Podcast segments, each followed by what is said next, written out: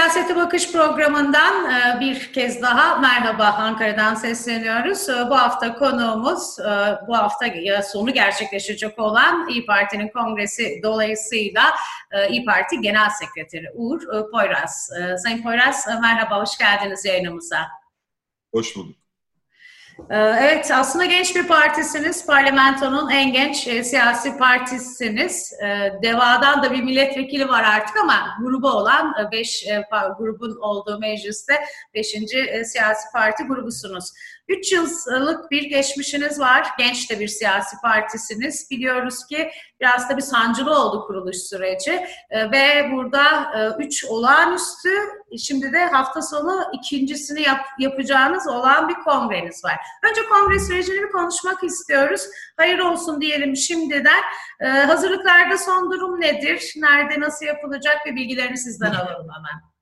Ankara'da Altın Park'ta yapıyoruz Aydınlık Evler'de. Büyük bir park. Ee, burada tabii açık hava kriterlerine uygun hareket etmeye çalışıyoruz. Çünkü hem Yüksek Seçim Kurulu'na biz Haziran ayında başvurduk. Bu normalleşme evet. süreci olarak e, hükümetin tanımladığı dönemde bu kongre sürecimizi de biz yaklaşık bir e, pandemi süreci sebebiyle 4 aya yakın ertelediğimiz için önce ilk kongrelerimizin e, kongrelerimizin tamamlanabilmesi için devamında da büyük kurultay yapabilmek için e, Yüksek Seçim Kurulu'na başvurduk. Yüksek Seçim Kurulu da bu izinleri verdi. Ancak tabii burada e, İyi Parti olarak hem devletin e, bu korona ile mücadele sürecine katkı sağlamak adına yaptığımız öneriler, bu önerileri takip etme çabaları ama biz aynı zamanda da dünyayı da takip etmeye çalışıyoruz. Bu anlamda korona ile mücadelede diğer ülkeler ne yapıyor? Ee, bilimde hangi gelişmeler var? Bunların Türkiye'ye yansıması ne olacak diye karşılaştırmalar da oluşturmaya çalışıyoruz. Bunların doğru ya da mutlak yanlış olduğu gibi e, saplantılı bir fikre de sahip değiliz. Tabii bu süreci değerlendirirken biz de kurultayımızı e, gerçekleştirmeden önce ihtiyaçlar e, listesini çıkarttık. E, sosyal mesafeyi, maskeyi, dezenfektasyonu, e, bütün bunları dikkate alarak ama her şeyden önce burada katılımı e, sadece yasal prosedür üzerinden götürmeye çalıştık. Evet kurultaylar siyasi partilerin ve Türk demokrasisinin şölenleridir, bayramlarıdır kurultaylar. Ee, bizim için de kurultayımız aynı kıymette ve önemlidir ve Sayın Genel Başkanımızla birlikte bir önceki e, olağanüstü kurultayda başlayan bizim bir çarşaf liste geleneğimizle oluşmaya başladı. Dolayısıyla bizim için çok kıymetli bir e, dönemdir kurultay dönemleri. Ve e, ikinci olan e, kurultayımız da İyi Parti'nin artık Türk siyasetindeki kalıcılığının, Aynı zamanda yeni kurulan bir partinin, e, olağanüstü hal şartlarında kurulan bir partinin ve kurulur kurulmaz Cumhurbaşkanlığı, e, genel seçimler ve yerel seçimler gibi bir anda bir seçim atmosferine giren bir parti için e, partileşme sürecini de tamamladığı bir kurultay aslında. Yani ikinci olan kurultay bizim için öyle de bir anlamı var. Biraz aslında girdiniz ama orayı biraz daha açalım. Her kurultay bir e, yenilenme sürecidir, değişim. E, sonuçta genel başkanlık için adaylıkta bir sürpriz beklemiyoruz anladığım kadarıyla ama partinin e, sonuçta işte kurmaylar dediğimiz, A takımı dediğimiz bir sonraki seçime partiyi e, taşıyacak kadroların belirleneceği genel idare kurulu e, seçimi yapılacak. Şimdi bu kongrenin e, hem sloganı hem de vereceği mesaj sizce ne olacak? Nasıl bir değişim bekliyorsunuz ya da hedefliyorsunuz diyelim? Kongremizin mesajı millet bizi çağırıyor. Çünkü İyi Parti kurulduğundan beri e, bir Allah'tan bir milletten medet umdu. Kurulduğu günden beri. Dolayısıyla e, Sayın Genel Başkanımızın bir memleket meselesi diye yola çıktığı, vatandaşımızın bizzat ayağına gittiği, esnaf esnaf gezdiği, şehirlerin merkezlerinde değil, ilçeleri gezdiği bir e, süreci yönettik. E, burada bir memleket meselesi dedik buna. Daha sonra pandemi döneminde, salgın döneminde Sayın Genel Başkanımız tüm siyasi partilere ve Sayın Cumhurbaşkanı'na çağrıda bulunarak memleket masasını kuralım dedi.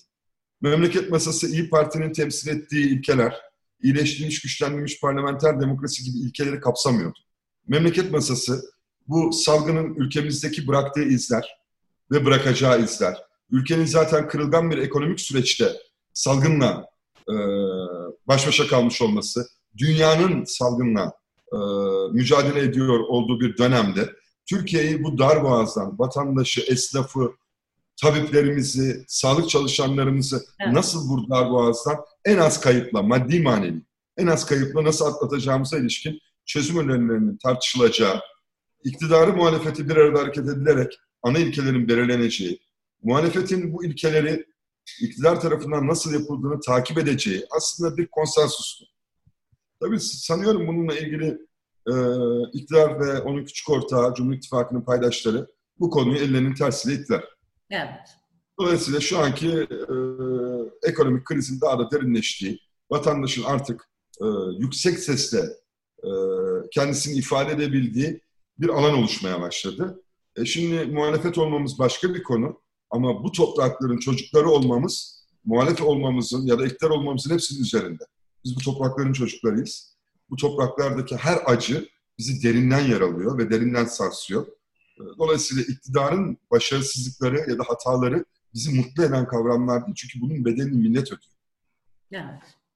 Bu anlamda millet bizi çağırıyor. E, bizim milleti merkeze aldığımız ve milleti e, iknayı, milleti samimi olarak hedeflerimizi ve planlarımızı izah etmeyi önemsediğimiz milleti, milletle olan irtibatımızın ana sloganıydı. Milletin bizi çağırdığını gördük. Biz milletin ayağına gittik.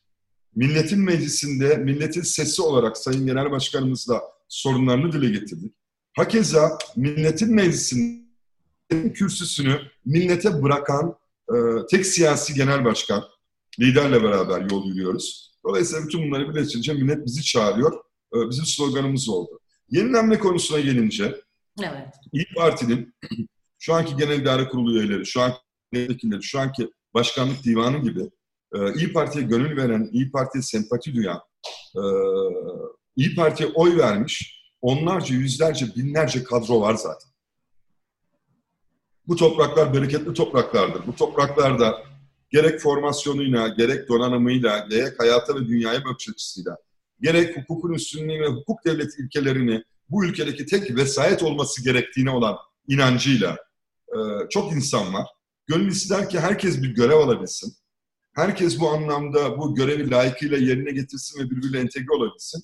Ancak 50 kişilik bir e, genel idare kurulu evet. var ve merkez kurulu 11 kişilik. 61 kişilik bir listeden bahsediyoruz. Bununla ilgili e, süreçle ilgili delegenin takdiri, delegenin kararı olacaktır. Çok yüksek bir ad adaylık başvurusu var. Bu e, Sayın Genel Başkan'ın ilkeleriyle insanların ilkelerinin uyuştuğu anlamına geliyor bizce. Dolayısıyla biz Meral Akşenerleşmiyoruz. Bizim ilkelerimiz ve doğrularımızı Meral Akşener tes, e, temsil ettiği için onunla birlikte yürüme kararını gösteriyoruz. Ve bugünkü Genel İdare Kurulu adaylıklarımız için üst kurul delegesi olsun olmasın herkesin aslında bu titizlikle, bu özveriyle ve bu özenle başvuru yapmış olmaları bizim için çok büyük bir mutluluk evet. ve çok ayrı bir e, takvim olarak önümüze çıkıyor. Çünkü olağanüstü hal şartlarında kurulan İyi Parti'de birçok kişi biz o dönemde e, 24 Haziran sürecinde gezerken birçok kişi kulağımıza fısıldayarak kendini ifade ederken bugün insanlar sosyal medyalarından broşürlerini bastırarak açıkça İyi Parti'nin Genel İdare Kurulu adaylığına başvurularını deklare ediyorlar ve her biriyle benden büyük olanlar var, benden küçük olanlar var, yaşıtım olanlar var ama bir Türk genci olarak, bir hukukçu olarak e, hasbel kadar sorumluluk kabul edip siyasete atılmış yeni bir siyasetçi olarak her biriyle gurur duyuyorum her birine şükranlarımı iletiyorum. Şimdi e, tabii e, bir e, yine İyi Parti yöneticisi şunu söylemişti. E, İyi Parti'ye biçtikleri misyon açısından siyasetin santraforu demişti gol atan oyuncusu. Yani bir misyonu var her partinin. Siz bundan sonrası, bu kongre sonrası hedeflediğiniz İyi Parti açısından kendinize nasıl bir misyon biçiyorsunuz İyi Parti'ye? Nasıl bir hedefle e, yola çıkıyorsunuz? Yani çünkü hedefler de yükseliyor aslında. Hani ilk kuruluş sürecinden bugüne değişen hedefler var. Daha iddialı bir İyi Parti görüyoruz. İyi Parti'nin bundan sonraki hedefleri iyileştirilmiş, güçlendirilmiş parlamenter demokrasi, toplumun her kesiminin şirin gözükmek adına değil, olması gerekenin ne olduğunu anlatmak adına mücadele verecek. Ha bu arada mevcut iktidar, Cumhur İttifakı'nın paydaşları bu anlamda bundan iyileştirilmiş, güçlendirilmiş parlamenter demokrasiye biz bunu böyle tanımlıyoruz. Siz isterseniz bal kabağı değil. Problem değil bizim için. Ama şekil itibariyle iyileştirilmiş, güçlenmiş e, e, parlamenter sisteme geçişi gerçekleştirebil gerçekleştirebilmek istiyorlarsa, böyle bir niyetleri oluyorsa önce bu niyeti yaratmaya çalışıyoruz. Bu bizim amacımız. Evet. E, keza eğer bu sistemi mevcut iktidar kabullenmeyecekse İyi Parti'nin namus şeref sözüdür ve mücadelesidir. Çünkü e, bu mücadele için yola çıkıldı. Bu mücadele verilirken siyasi bir parti haline gel, gelindi ve Türkiye'nin diğer sorunlarını da sadece bu merkezden değil.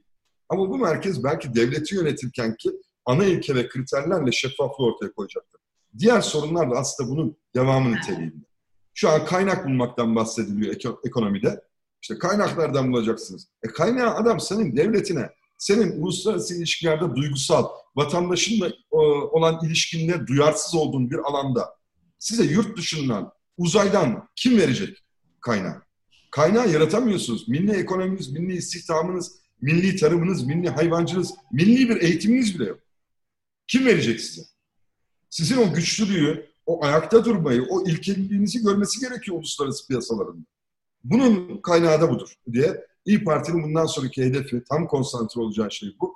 Milletin sesi olmaya, milletin sorunlarını dile getirmeye, iktidar anlayana kadar anlatmaya e, İyi Parti bundan sonra da talip olacak. İnşallah da o duyduklarını, öğrendiklerini iktidara gelip düzeltebilmek için de bu mücadeleye devam edeceğiz. Ankara'da çok e, fazla ittifak ve ittifakların geleceği konuşuluyor malum. Ee, hani siz iktidarı e, bu noktaya getiremezseniz parlamenter e, güçlendirilmiş, iyileştirilmiş parlamenter sisteme geçiş noktasına e, sonuçta muhalefette birlikte o noktaya taşımak için bir e, iktidara gelip hani bir, öyle bir mücadelenin içindesiniz. Aslında parçasısınız hala. Şimdi ittifakların geleceği açısından baktığımızda yeni oyuncular da katıldı siyasete malum. E, siz e, İyi Parti'yi burada nerede tarif ediyorsunuz? Eve dön çağrıları hani cevaplar da verildi biliyoruz ama e, neredesiniz bu ittifaklarda? E, bir üçüncü ittifak hani sahada olabilir mi diye de konuşuluyor. Karamollaoğlu'nun Saadet Partisi Genel Başkanı'nın teorik olarak mümkün ama fiiliyatta e, olur mu diye bir e, yanıtı da vardı. Bu konularda neler söylersiniz? Şimdi ben bunu daha önce de birkaç defa dile getirdim. Bu, e, bu önemli bir şey olduğu için, eşik olduğu için bunu tekrarlamak durumunda kalıyoruz. Şimdi bizim ittifak dediğimiz ilk model Cumhuriyet, e, Milliyetçi Hareket Partisi ile Adalet Kalkınma Partisi arasındaki ilişki ve Cumhur İttifakı. Evet. Şimdi Cumhur İttifakı'nın ilişkisine bakın. Cumhur İttifakı'nın ilişkisi e, tam birbirine geçmiş, e, birbirini bütünleştirme değil, birbirinin üzerine binmiş, kapsamış bir yapı. Şimdi buna başkanlık bu parlamenter de, e, demokrasiden ayrılırken koalisyonlardan kurtulacağız deniliyordu. Bu bir iddiaydı. Ve hala geri dönüşe ilişkin pardon, hala iyileştirilmiş, güçlenmiş parlamenter demokrasiye ilişkin söylemlerimize de koalisyon vurgusu yapılıyor. Şu an Milliyetçi Hareket Partisi, Adalet Kalkınma Partisi arasındaki ilişki bir koalisyon. Yani ne kadar koalisyon. Evet. Yani Devlet Bey'in bakan vermemesi e, vesairesi başka bir şey de bugün zaten verdiğiniz bakan memur. Atanmış biri. Bakanın bizim siyasi kültürümüzdeki konumuyla şu anki muhatap olduğumuz bakanların e, konumu farklı. Yani şu an e, yarım saat sonra Sayın Cumhurbaşkanı sizi ve beni arayıp külliyeye davet edip bize bakanlık verebilir. Tabii. Ya da efendime söyleyeyim. E, evet. Berberini bakan yapabilir. Tıraşını beğenmeyince berberini bakanlıktan da alabilir. Yani şoföründe milletvekili yaptı. Yani bu gayet doğal. Yani bu kültüre de yakınlar, yatkınlar. Dolayısıyla e, İyi Parti'nin Cumhuriyet Halk Partisi'ne olan ilişkisi vatandaş tarafından Cumhur İttifakı'nın karşısında Millet İttifakı olarak tanımlanıp konumlandırıldı.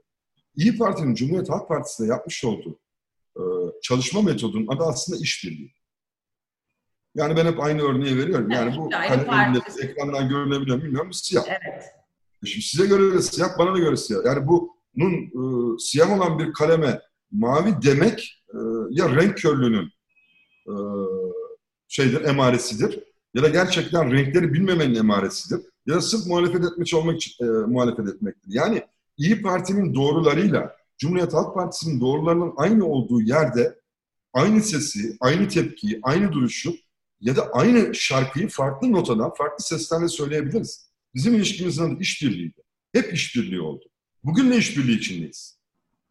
Yarın olacak. Yani yarın da işbirliği içinde oluruz. Yani bu beşeri nezaketin, grupsal nezaketin ve siyasi nezaketin tezahürüdür. Bugün e, Adalet ve Kalkınma Partisi'nin her yaptığı bizim için e, tukaka değildir ki. Yani bizim doğrularımızla onların doğruları birleştiği zaman evet doğru diyoruz. E, bizim Cumhuriyet Halk Partisi'yle doğrularımız birleştiğinde onlara da doğru diyoruz. Yani bu bizi kimseyle ittifak yapmaz. Bu kimseyle bizi irtibatlı ve iltisaklı da yapmaz. Yani şimdi bu kalem siyah. Cumhur İttifakı bu kalem siyah diyor. E bana göre de siyah. E peki FETÖ'ye göre de siyah. E PKK'ya göre de siyah. E siyah da yani bunun ötesinde götürebileceğiniz bir şey yok. Bu sizi irtibatlı ve iltisaklı ve ittifak haline getirmez insanlarla. Ama bu ilişkide, politikada, karşılıklı nezakette, siyasi zerafette işbirliği önemli bir kavram.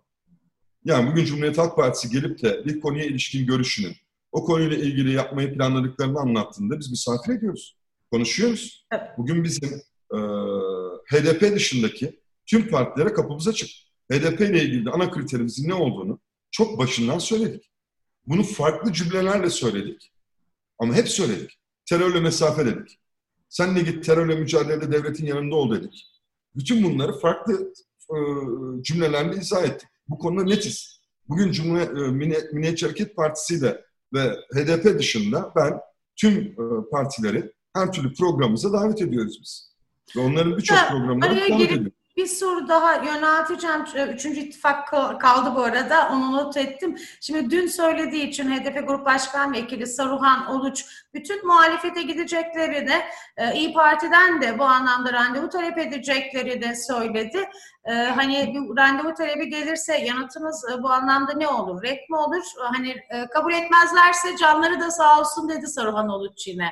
Buna dair ben ne dersiniz? Şu an bir yıllık görev döneminde İyi Parti Genel Sekreteri olarak Milliyetçi Hareket Partisi ve HDP'ye ben İyi Parti'nin hiçbir organizasyona davet etmedim.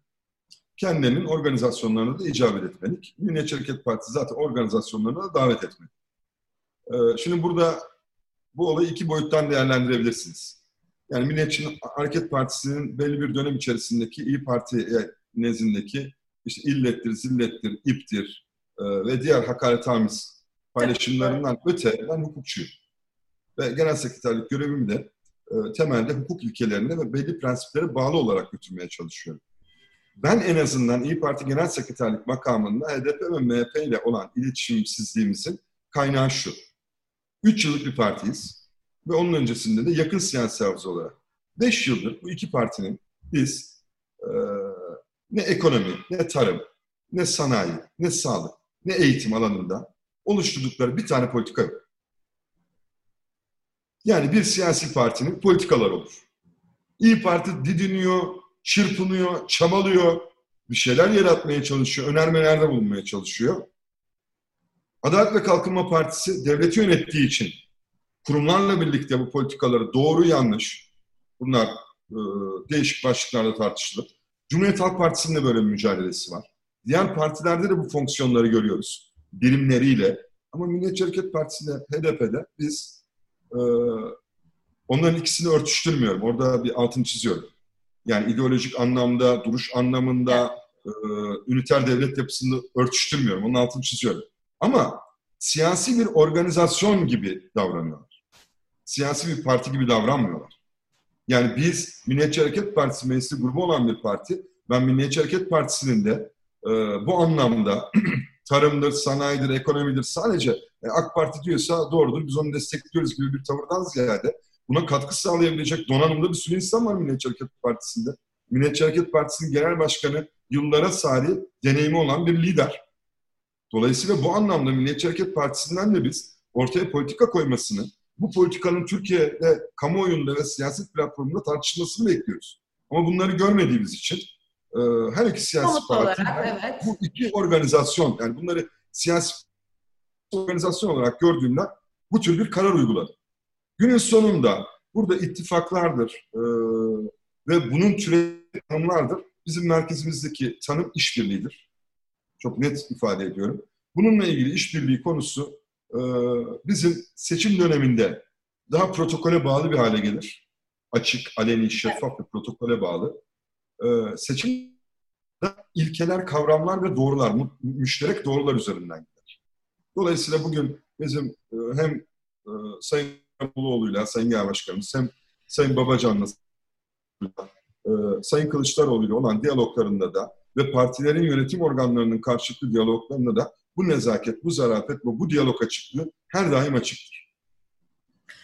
Peki hani üçüncü bir işbirliği süreci hani ittifak değil dediniz bir üçüncü işbirliği daha yakın olabilir mi? İttifak Şimdi burada üçüncü, üçüncüyü tanımlayabilmek için önce ikinciyi belirlemek gerekiyor. O ikinci yani, devam birinci tamam. Şimdi ikinciyi ne diye tanımladığınızla alakalı. Yani bizim çünkü kişilerle ilgili bir problemimiz yok. Kişilerle ilgili bir takıntımız yok. Biz İyi Parti olarak kişilerle yapıyoruz. İlkelerle ve kavramlarla hareket ediyoruz. İyi Parti kendini demokrat, kalkınmacı ve milliyetçi olarak tanımladı. Evet. Demokrat, kalkınmacı ve milliyetçi. Dolayısıyla biz hukukun üstünlüğünü, hukuk devleti ilkelerini merkeze aldık. Demokrasiyi merkeze aldık. Kalkınmayı, milli ekonomiyi, milli tarımı, milli sanayi, milli sağlığı, milli sağlık ekonomisini, milli eğitimi, yani bugün YKS'ye girdi gençlerimiz Haziran ayında 2.6 milyon kişi kurbanlık koyun gibi e, okullara dağıtıldı ve çocukların çığlığına rağmen bu çocuklar 2002 doğumlu çocuklar ve 2002 yılından beri AK Parti'nin e, kobay fareleri gibi. Yani 18'de 13 defa sistemde değişiklik yapılmış. Ve bu çocuklar bunun tamamını yaşadılar. Dolayısıyla işte milli eğitim bu anlamda önemli. Bugün yani biz birçok sorunu ortaya koyduğumuzda bunları müşterek akılla, ortak akılla, istişareyle ortadan kaldırabileceğimiz herkese biz her türlü işbirliğine açığız. Evet. Bizim öyle tabularımız, duvarlarımız yok. Ama tekrar siyasi partilerin de bakın programları hemen hepsi aynıdır. Geçenlerde e, bir anket yapıldı. İnsanların siyasi partilerin programlarını okuma oranı yüzde 3.4. Doğrudur. Dolayısıyla aynı maktul şeyleri yazmamız, oraya bak çok güzel cümleler koydum demeniz değil. Fiiliyatta, hayatta ve sahada ne yaptınız? Bugün ben eşimi, annemi, babamı, iyi bir evlat, iyi bir eş, beraber iş yaptığım insanları iyi bir emin kişi olarak kendimi ortaya koyamadıysam e, ben o zaman partimi temsil edemiyorum. Bu sadece ekranlara çıkmak, röportaj vermek, sahada dolaşmak değil. Hayatımızda da o emin kişi olmak zorundayız. Hepimiz buna özen gösteriyoruz. O yüzden dediğim gibi tüm siyasi partilerle her türlü diyaloğa, her türlü ilişkiye, ana kriterlerimizin ne olduğu belli. Türkiye'nin üniter devlet yapısıdır bu ülkenin.